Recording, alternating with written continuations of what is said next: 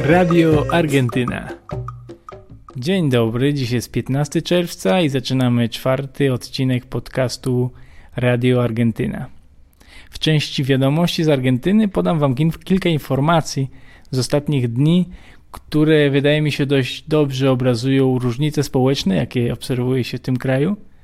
W kąciku nie tylko tango pomówimy o quarteto, czyli o muzyce z, ze slumsów miasta Cordoba. I na koniec w części opowieści z podróży przejedziemy się przez prowincję La Pampa i opowiemy trochę o historii regionu, o historii Patagonii, która w znacznej mierze wyjaśnia te nierówności społeczne, o których powiemy wcześniej.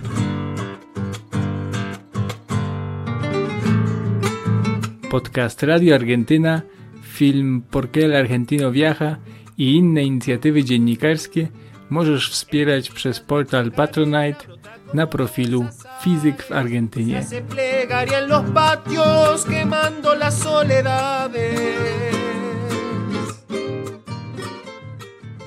Po pierwsze to przepraszam Was, że ten odcinek wychodzi z opóźnieniem, ale no właśnie mieliśmy długi weekend tutaj w Argentynie.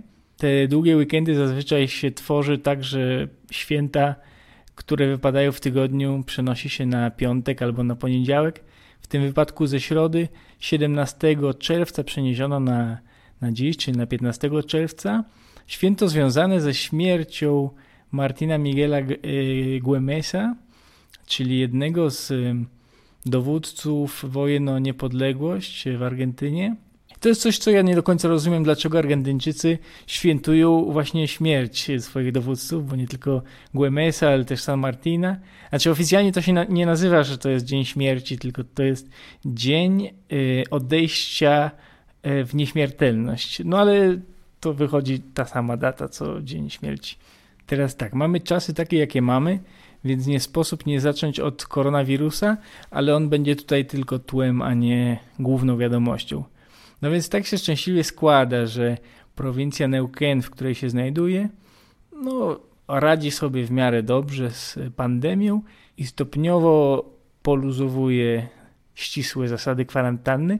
No i niedawno ukazał się, ukazała się taka informacja ze strony rządu prowincji, która dopuszcza w godzinach od 8 rano do 20 wieczorem następujące aktywności sportowe.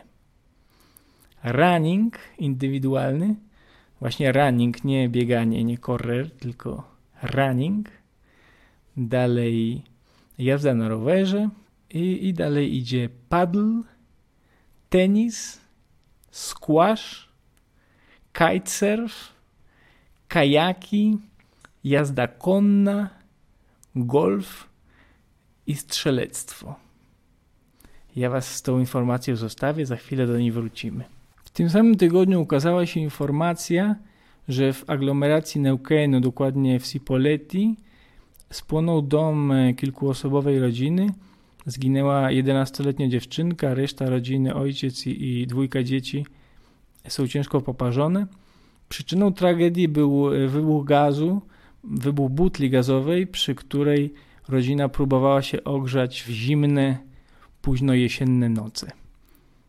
Przy informacji zamieszczono zdjęcia, na których możemy zobaczyć błotniste uliczki, e, domy z gołej cegły, e, szałasy właściwie z drewna, z kawałków blachy, które no, są domami w jednej z dzielnic robotniczych tego miasta. No i ta tragedia się wiąże bardzo ściśle z tym, że oprócz e, bardzo kiepskich warunków życia, w dzielnicy nie ma sieci gazowej. Mimo, że jesteśmy rzut beretem, no kilkadziesiąt kilometrów dosłownie od e, złoża Vaca Muerta, czyli drugiego największego na świecie e, złoża gazu łupkowego, które to złoże prowincja Neuquén jak najbardziej eksploatuje, gaz sprzedaje, pieniążki przychodzą, no i ale gazu dla ludności nie ma.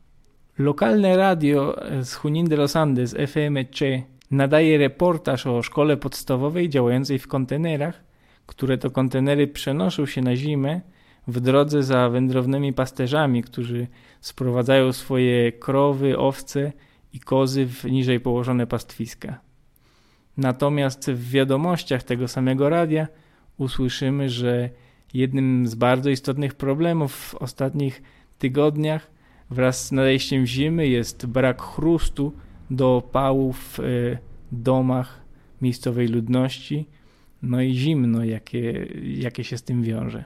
A w moim tekście na blogu Fizyk w Podróży możecie się dowiedzieć, że w czasie kwarantanny organizacja Barrios de Pie dostarcza żywności już nie tylko 150, a 300 rodzinom, które nie są w stanie zapewnić sobie codziennego pożywienia w związku z, z brakiem pracy i brakiem możliwości zarobkowania podczas pandemii.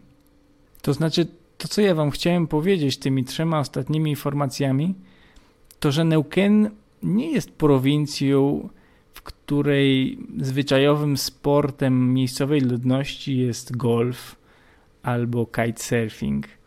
No raczej większość martwi się chrustem na zimę.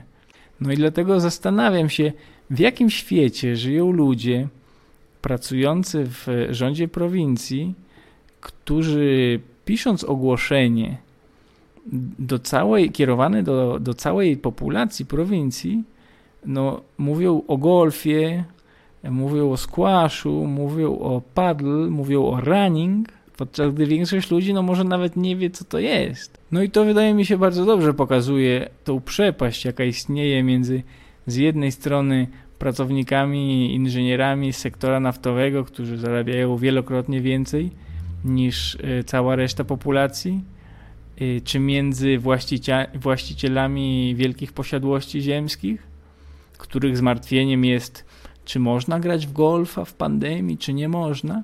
I uwaga, nie chodzi mi o to, że, że to źle grać w golfa. Ktoś, kto może grać w golfa, niech, niech gra, no, nie ma żadnego problemu.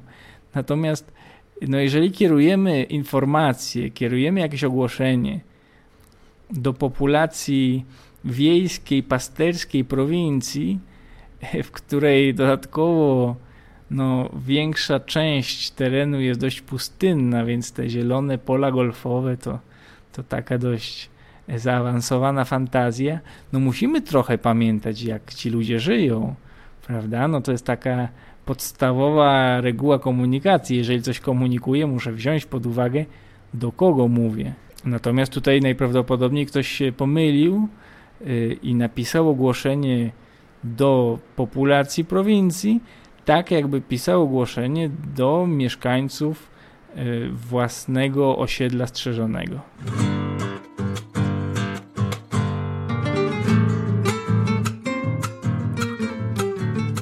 Radio Argentyna. Teraz zaczęło trochę padać, nie wiem czy to słychać. Teraz tak, o genezie takiego stanu rzeczy, czyli o kolonizacji Patagonii, będziemy trochę mówić e, w części audycji zwanej opowieści z podróży. E, wyprzedzę tylko, że tu nie chodzi o lata 1500 do Krzysztofa Kolumba, tylko bardziej o rok 1870, czyli w tłumaczeniu na polskie, że tak powiem, no to jest 7 lat po powstaniu styczniowym. Dlaczego, dlatego ja mówię, że Polacy powinni wyjątkowo dobrze rozumieć tą walkę Mapuczów o odrębność narodową, o swój język, bo Polacy w tym samym czasie, można powiedzieć, przechodzili przez bardzo podobne problemy. Z różnicą taką, że Mapuczów atakowało państwo argentyńskie, a Polaków no, atakowali z jednej strony Niemcy, z drugiej Rosjanie, z trzeciej Austriacy.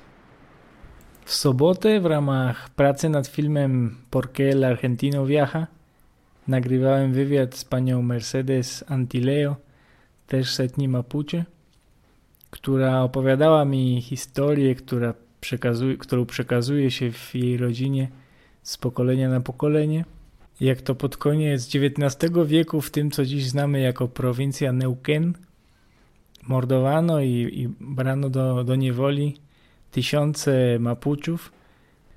Niektórym udało się uciec, uniknąć tego losu i ukrywali się wysoko w górach. Znajdywali często miejsca, gdzie były jaskinie i gdzie mogli przeczekać, aż opadnie nieco wojenny temperament argentyńskich wojsk.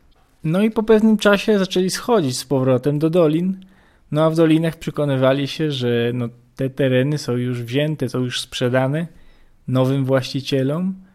No i teraz czasem widzimy ich właśnie wysoko w górach, gdzieś tam żyją na jałowej ziemi kamienistej, gdzie nie ma wody, nie ma strumieni, nie ma rzek. Pytamy się, po co oni się tam pchali, po co oni wchodzili tak wysoko, żeby żyć w tak niewygodnych warunkach. No oni się tam nie pchali sami, tylko ich tam wypchnięto. I nawet później, kiedy Patagonia jest już w cudzysłowie oczyszczona e, z Mapuczów, z Onów i innych lokalnych etnii, no ta przemoc trwa e, w Patagonii. Jest taki film e, z 74 roku oparty na badaniach Osvaldo Bayera. Film nazywa się La Patagonia Rebelde. I tam możemy zobaczyć, jak w 1920 roku argentyńska, argentyńskie służby mundurowe planowo mordują uczestników protestów, którzy walczyli o godne warunki pracy dla parobków na, na gospodarstwach. To wtedy w najgorszym, można powiedzieć, katyńskim stylu kazano ofiarom kopać sobie własne groby. Dopiero wtedy strzelano do nich i zakopywano. W ten sposób zginęło około 1500 osób, pracowników gospodarstw Patagonii. Do kogo należały te gospodarstwa? No, do wielkich właścicieli ziemskich, tak z Argentyny, jak i z zagranicy, bardzo często z Wielkiej Brytanii. A co mam na myśli, kiedy mówię wielcy właściciele ziemscy?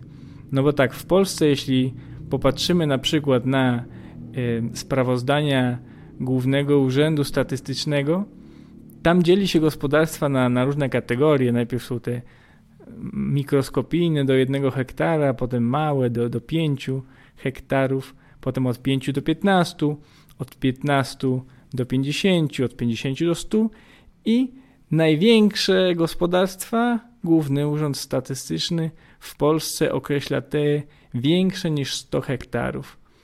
No to dzisiaj w Patagonii mamy gospodarstwa, które mają na przykład 900 tysięcy hektarów. No taka to jest skala. Po ostatniej audycji dostałem od Was kilka uwag, że dobrze by było umuzykalnić trochę bardziej podcast, zamieszczać dłuższe fragmenty utworów, które komentuję w części nie tylko tango. No to jest oczywiście związane z kwestią praw autorskich, dlatego nie wyrzucam dłuższych fragmentów utworów. Natomiast no, będę nad tym pracował. Mam niektóre własne nagrania, więc teraz, jako że mówiliśmy no, dość o smutnych sprawach, będzie bardzo wesoła piosenka prosto z Wenezueli od koleżanek i kolegów z grupy Yerba Buena z Meridy.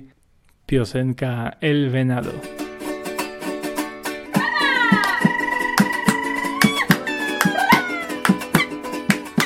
Aha, no i nie wiem, czy wszyscy wiedzą, że ostatnio zacząłem dawać lekcje hiszpańskiego online, także zapraszam serdecznie i uwaga, na hasło Radio Argentyna pierwsza lekcja gratis i 10% zniżki na trzy kolejne lekcje, także warto.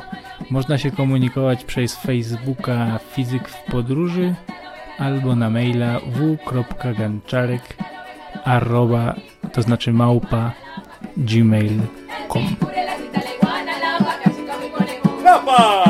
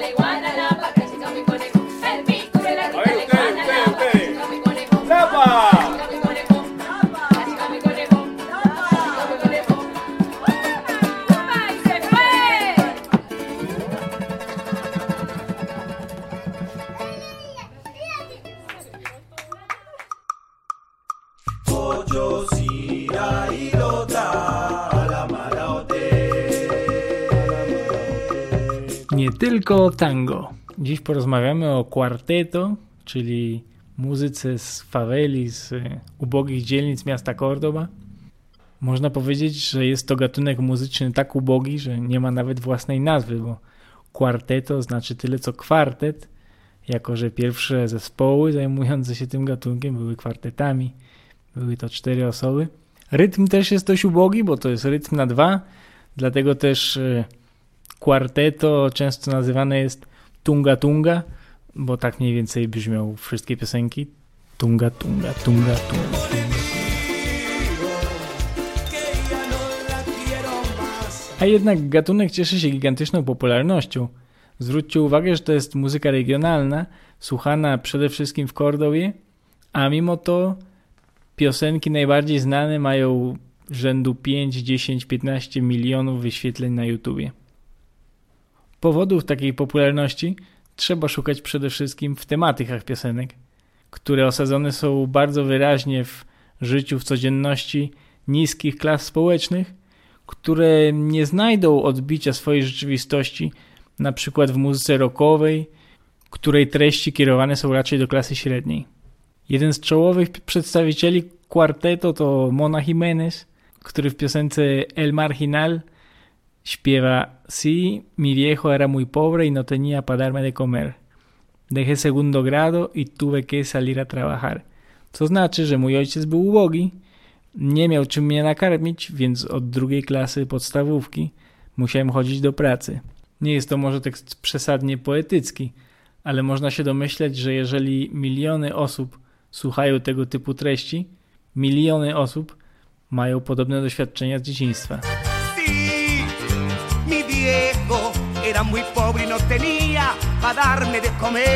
Jeśli w piosenkach kwarteto mowa jest o miłości, to raczej nie będzie to miłość doskonała czy bajkowa. Rodrigo, czyli drugi najważniejszy przedstawiciel kwarteto, w swojej piosence Lo mejor del amor śpiewa Fue lo mejor del amor, lo que he vivido contigo. Dejo mi esposa, tú dejas tu marido para matarnos en el cuarto de hotel. Czyli najlepsze z miłości przeżyłem z tobą. Zostawiam moją żonę, tu zostawiasz twojego męża, byśmy zabili się w hotelowym pokoju.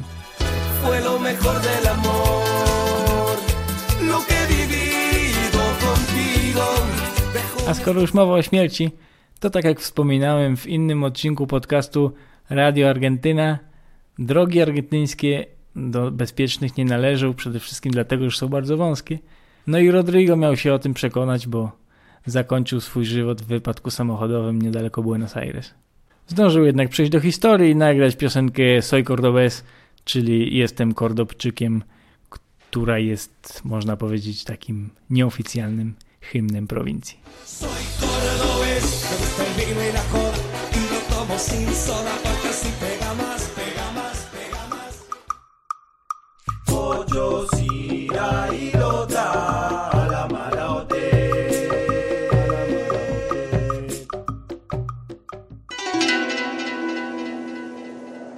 Opowieści z podróży. Na południe, część druga. La Pampa. Kiedy tylko wjechałem do prowincji La Pampa, życie zaczęło mnie traktować jakby lepiej. No proszę powiedzieć, basen, wołowina, zaproszenie do domu. I do tego symboliczny napis informujący, że oto wjeżdżasz pan do legendarnej Patagonii. Z tu Patagonią to jest trochę naciągany, drwioł w innych prowincjach. La Pampa się chce przyczepić do Patagonii, bo nie należy do żadnego z oficjalnie ustanowionych regionów turystycznych, jak Cuyo, Córdoba, Noa czy Litoral. A Patagonia, wiadomo, ma światową renomę, ale tak po prawdzie to Patagonią określa się tę część Argentyny, która leży na południe od rzeki Colorado. La Pampa leży na północ. Ale z tymi basenami to akurat prawda. Prawdą jest również, że jak tylko wjeżdżasz do prowincji La Pampa drogą krajową numer 5, ja tak z tymi numerami, bo w Argentynie ludzie naprawdę nimi operują sprawnie. Zamiast powiedzieć ci na przykład Jedź na Pełacho i tam skręć na Coraceros, powiedzą jedź krajową piątką aż do skrzyżowania z prowincjonalną numer 86 i stamtąd w kierunku 65. No więc jak wjeżdżasz na La Pampę drogę, drogą krajową numer 5, po prawej stronie rozciąga się tych kilka skromnych uliczek niewielkiego Catrillo, a po lewej w rowie leży ciężarówka. Bo jak to wspominałem we wpisie o prowincji Buenos Aires i co ostatnio uwieczniłem na YouTube'owym filmiku, drogi w Argentynie do najszerszych nie należą. Piaszczysta nawierzchnia drogi wjazdowej do Catrillo nie obiecuje wiele, a jednak zaraz za torami wyrasta bujna zieleń parku. Wjeżdżamy, a raczej wchodzimy, bo piach nie pozwala pedałować i oto jest oaza w upalnym pustkowiu pastwiejski pól i basen. Basen pełen dzieci, ale jednak basen.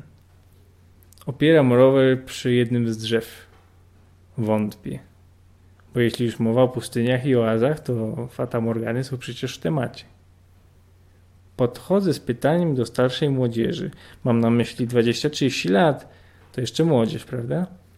I tak, mówią. Proszę nie wątpić, proszę pana, oto park miejski. A teraz proszę do basenu? Mówi jedyna w towarzystwie kobieta. Ale ja do basenu, czy ja wiem, odpowiadam. Tak, a żebyś nie miał wątpliwości, to ja ci kupię bilet.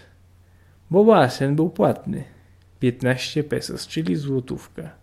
Nawet mniej. Prawie nic.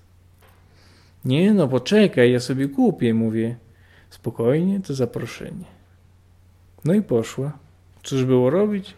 Wojtek koszulkę już zdjął i poszedł się pluskać. Pan ratownik zaoferował nocleg w ratowniczej budce, ale starsza młodzież przebiła stawkę. Zaprosiła na świeżą pieczoną wołowinę, a potem zabrała do domu. No i co ty na to, taka la pampa?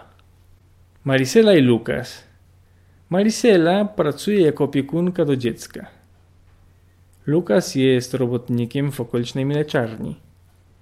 Wynajmują ładny, obszerny dom niedaleko głównego placu miasteczka.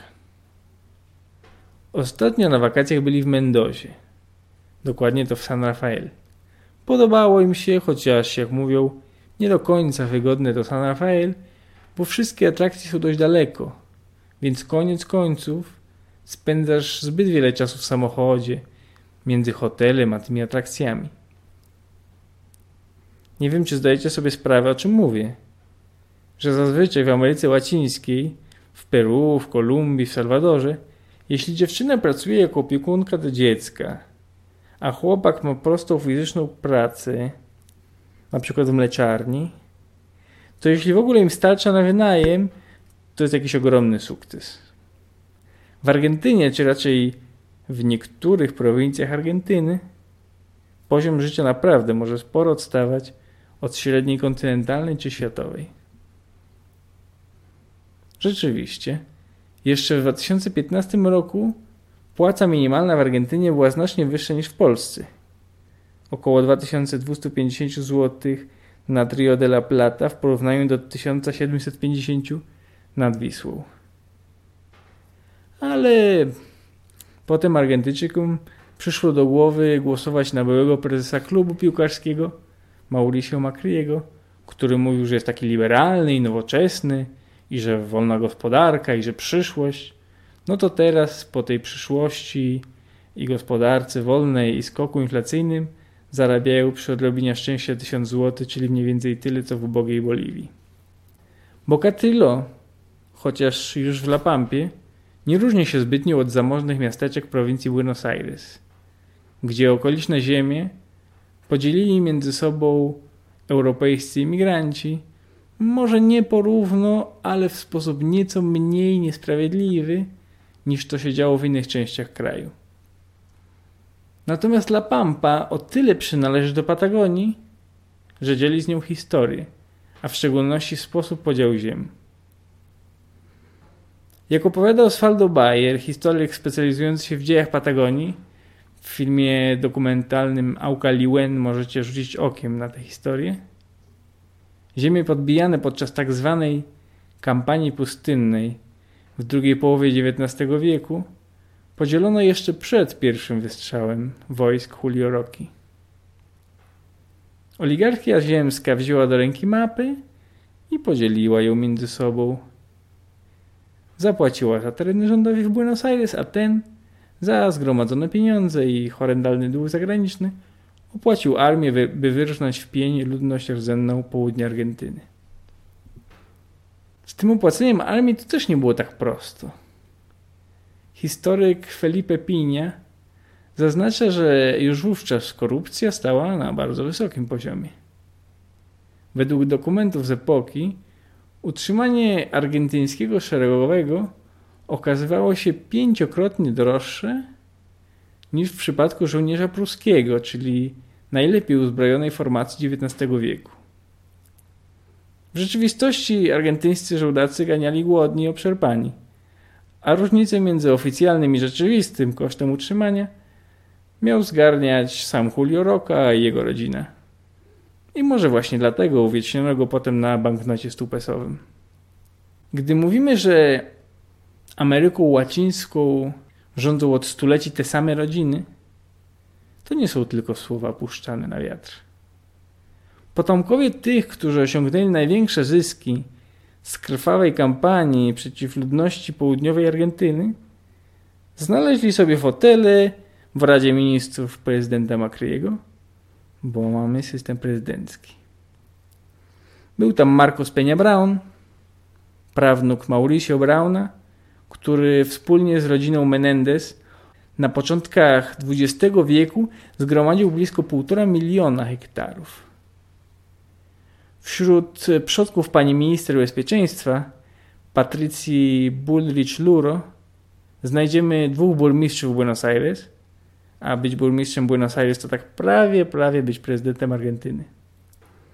Jeden z nich, Adolfo Bullrich, miał dom aukcyjny, gdzie sprzedawano te wszystkie miliony hektarów, więc pan Adolf był jednym z tych, którzy na śmierci Mapuczów i Tełelczów zarobili najwięcej. A Luro to ci od luksusowego pałacu we wschodniej części prowincji La Pampa. Pradziadek argentyńskiego ambasadora w Stanach Zjednoczonych był tym samym, który zakończył krwawą kampanię, biorąc do niewoli ostatniego kacyka Mapuczów Sayhueque. A Esteban Bullrich, znowu Bullrich, znowu, jako minister edukacji zapowiedział, że jego działania na czele resortu będą jak nowa kampania pustynna. Nie zrozumiało się tylko, czy ma zamiar mordować uczniów, czy jedynie uczyć ich nienawiści rasowej.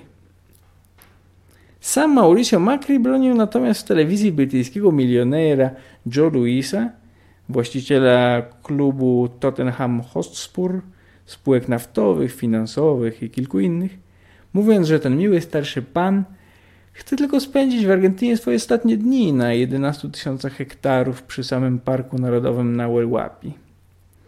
Nie wiadomo tylko, czy je spędzi, bo w Argentynie ma tylko swój pałac letni, za siedzibę główną obrał Bahamy. Pewne jest natomiast, że swoją przepastną rezydencją uniemożliwił dojście do jeziora Lago Escondido. I nie mówimy o jakiejś kałuży, tylko o długim na 10 kilometrów przepięknym oku wodnym w argentyńskich Andach. Po sąsiedzku swoje 900 tysięcy hektarów, obszar odpowiadający połowie Izraela, ma firma Benetton, ta sama od kolorowych podkoszulków, gdzie podczas manifestacji o zwrot ziemi etnii Mapuche stracił życie w 2017 roku Santiago Maldonado. O tego typu sprawach interesujący się polityką i historią Argentyńczycy wiedzą coraz więcej, stąd sugeruje się nie wybierać do Argentyny w swetrach, w swetrach Benetton, bo możecie się spotkać z mało przyjaznym nastawieniem. Ale, ale. Mieliśmy mówić o La Pampie, no więc La Pampa, krowy, pastwiska, jeszcze raz krowy. W północnej części prowincji krajobraz skolonizowany spacyfikowany przez inżynierę rolniczą, obsiany so, soją i słonecznikami. Nic nie urośnie wyżej, niż pozwoliłby na to kombajn i herbicydy. Pomyśleć, że jeszcze 150 lat temu rozpościerały się tu dzikie stepy. Dziś beretów typu gaucho nie noszą już konni kowboje, a kierowcy Toyota Hilux, czyli właściciele pól. To ciekawy paradoks. Takie jak jedzenie ubogich staje się z czasem daniem gourmet, jak ślimaki. Najgorsze dzielnice zmieniają się w perły turystyki, jak krakowski Kazimierz. Taki osoba gaucho, pół dzikiego, jak o nim mówiono, pachołka ganiającego konno po interiorze i na którego wojsko argentyńskie urządzało regularne polowania, stała się teraz wzorem czy archetypem prawdziwego, w cudzysłowie, Argentyńczyka. Po drodze tego naszego gaucho, który zazwyczaj był ciemnoskórym metysem lub pochodził bezpośrednio z ludów rdzennych, przemalowano na biało. Mam na myśli, że ten archetyp Argentyńczyka to gaucho, ale taki gaucho niebieskooki z Europy. Czyli jak to napisał brazylijski antropolog Darcy Ribeiro, Martin Fierro, czyli gaucho z narodowej epopei o tym samym tytule, dla Argentyńczyków mógłby być równie dobrze synem Polaków. Teraz tak. Ja z góry przepraszam, ale muszę powiedzieć, że gdy zobaczyłem tych beztroskich, otyłych ludzi grających w golfa na wjeździe do Santa Rosa de Toay, czyli stolicy La Pampy, przyrzekam, że zrobiło mi się niedobrze. Dokładnie po przeciwnej stronie drogi stoi tablica informująca o tym, że w całej prowincji brakuje wody. Brakuje, no chyba, że trzeba podlać pole golfowe. W prowincji La Pampa zabroniona jest też wycinka drzew, których w jej północnej części nie zostało wiele. No chyba, że ktoś akurat chce urządzić pole golfowe. Natomiast sama Santa Rosa jest jednym z miast o najwyższych współczynnikach ubóstwa w kraju. 36% na 2019 rok. Co może Cię interesować? No chyba, że akurat grasz w golfa. W biednych dzielnicach, które puchną na obrzeżach stolicy, prowincji, żyją dziesiątki tysięcy ubogich, który, dla których nie ma skrawka ziemi pod uprawy. No ale chyba nie damy im tej ziemi, na której akurat gramy w golfa, prawda? Przejeżdżając z Buenos Aires do La Pampy ma się wrażenie, jakby czas cofnął się, albo gdybyśmy pomylili kraje. Z względnie egalitarnego państwa opiekuńczego trafiamy nagle do tego, do czego nas przyzwyczaiła feudalna Ameryka tropikalna. Wracają bose dzieci proszące o pieniądze na skrzyżowaniach i nieco starsza, ale nie mniej obdarta młodzież, myjąca lśniące samochody sportowe ustawione naokoło rynku. Centrum Santa Rosy można by pomylić z Kolumbią, jeśli by tylko ludzie byli nieco bardziej weseli, a z głośników leciało wajenato. A jeśli już jesteśmy przy porównywaniu z innymi krajami, La Pampa jest jak Białoruś, w tym sensie, że przepraszam, jeśli czyta to ktoś z La Pampy lub z Białorusi, w tym sensie, że nic tam nie ma. To znaczy na Białorusi są przynajmniej zamki z czasów Wielkiego Księstwa, a w La Pampie nic nie ma tak po prostu, w związku z czym nikt tam nie jeździ. Przez La Pampę się przejeżdża, owszem, z północy na południe, ze wschodu na zachód, bo jak już leży w samym środku kraju, to co począć? Od czasu do czasu trzeba tamtędy przejechać. Ale żeby tak jechać na La Pampę dla samego faktu bycia tam, to jest dość dziwne. Z braku uznanych obiektów turystycznych tak Białorusini, jak i Pampenios wybrali sobie charakterystyczny element przyrody, o którym przyjezdnym opowiadają bez końca. W przypadku Białorusi jest to kartofel. Jadłeś już draniki, białoruskie placki ziemniaczane? Nie? No to powinieneś, był na blogu filmik z przepisem zrealizowanym specjalnie dla Was w Witebsku. Jest też kartofelna jałapka, zupa kartoflana, no i Biblioteka Narodowa w kształcie kartofla. W Lapambie nie mówi się o ziemniakach, mówi się o kaldenach. Kaldeny to drzewa podobne do czakeńskich algarobów, które, tak się składa, występują jedynie w prowincji La Pampa i na granicznych skrawkach San Luis, Cordoby i Buenos Aires. W związku z tym, jeśli jedziesz do La Pampy, przygotuj się na pytania: A widziałeś już kaldeny? Wiesz, że kaldeny istnieją tylko u nas? Wiedziałeś? Tak. I w La Pampie znajduje się największy na świecie rezerwat kaldynów. Największy, bo jedyny. A wiesz, jak się nazywa największa gwiazda muzyczna La Pampy?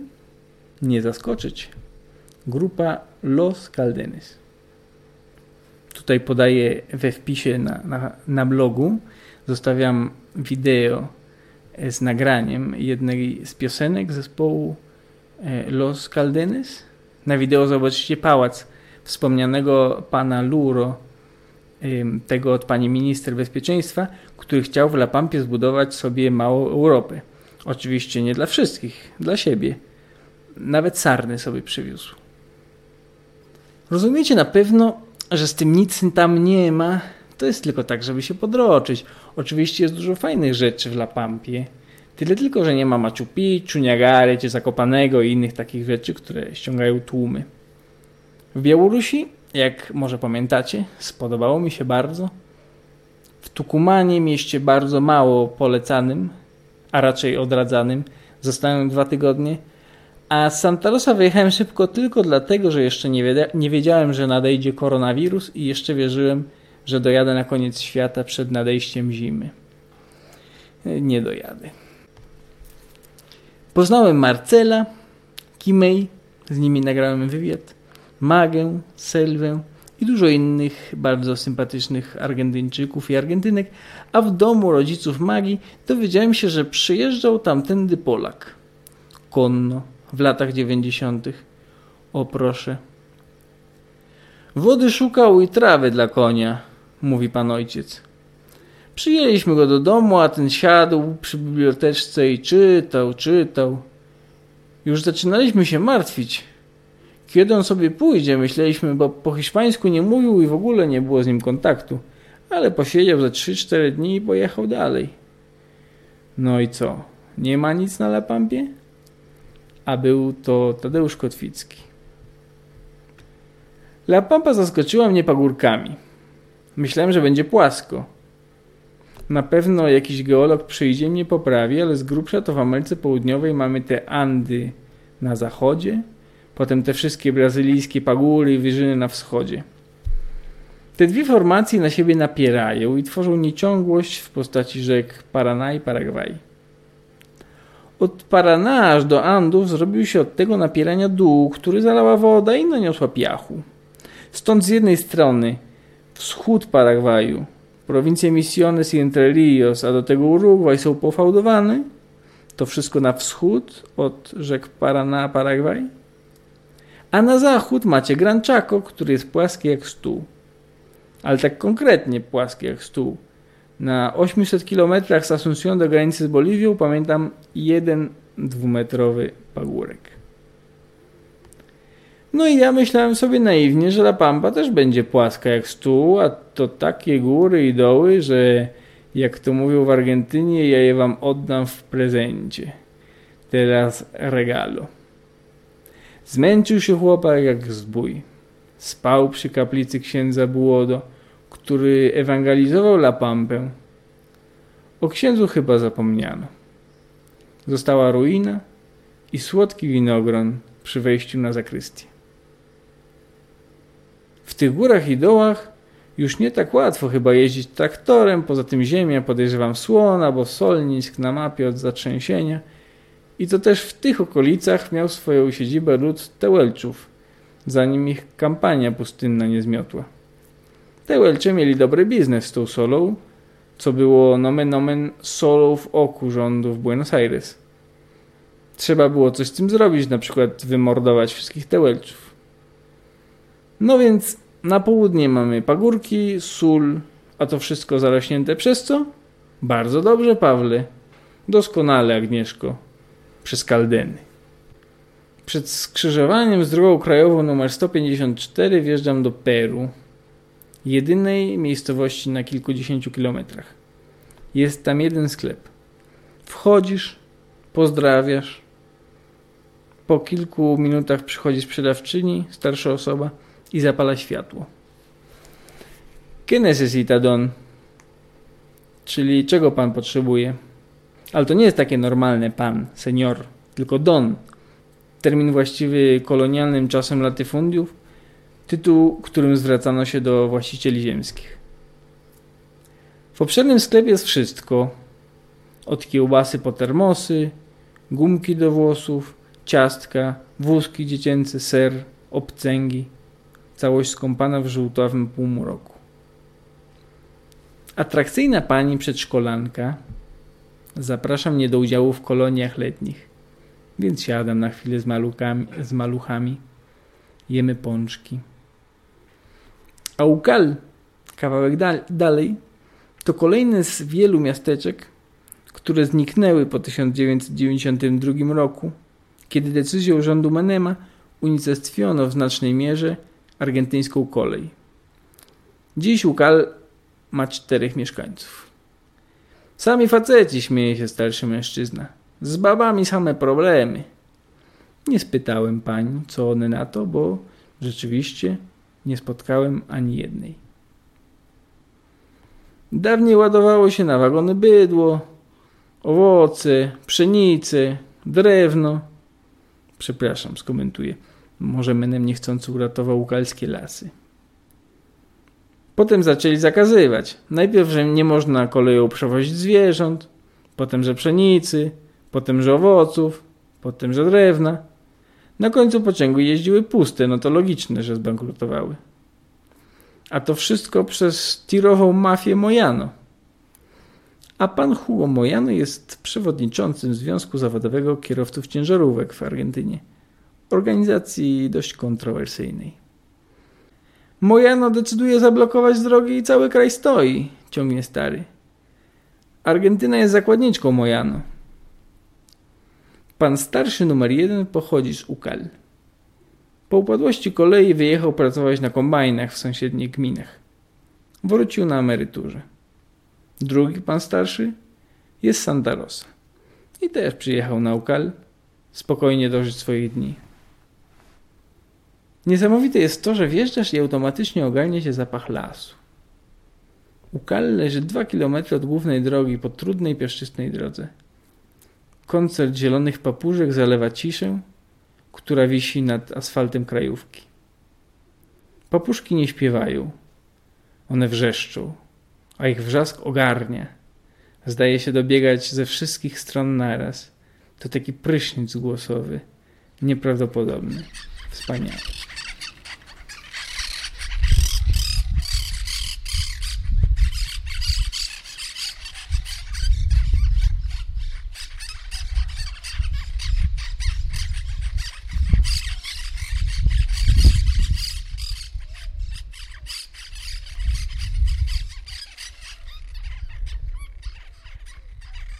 Trudno nie rozjaśnić sobie twarzy uśmiechem. Drugi pan starszy zaprowadził mnie na stację.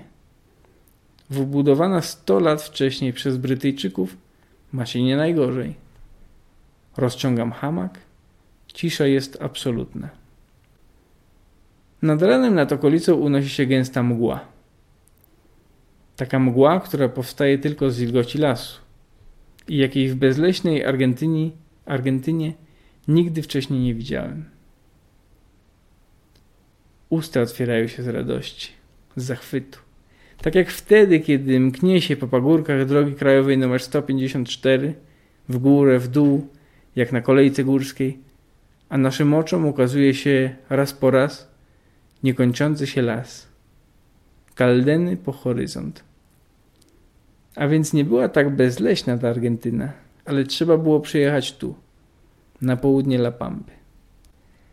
Las jak objawienie, las jak cud. Na ceglanym wejściu do miejskiego parku Ukal, dziś całkowicie zarośniętym chaszczami, widnieje tablica. W tym miejscu wbudowano drugi na skalę prowincji otwarty basen gminny. Bladoniebieskie kafelki lśnią jeszcze pod błotem naniesionym przez trzydziesięciolecia. A mówiłem, że z tym basenem to akurat prawda?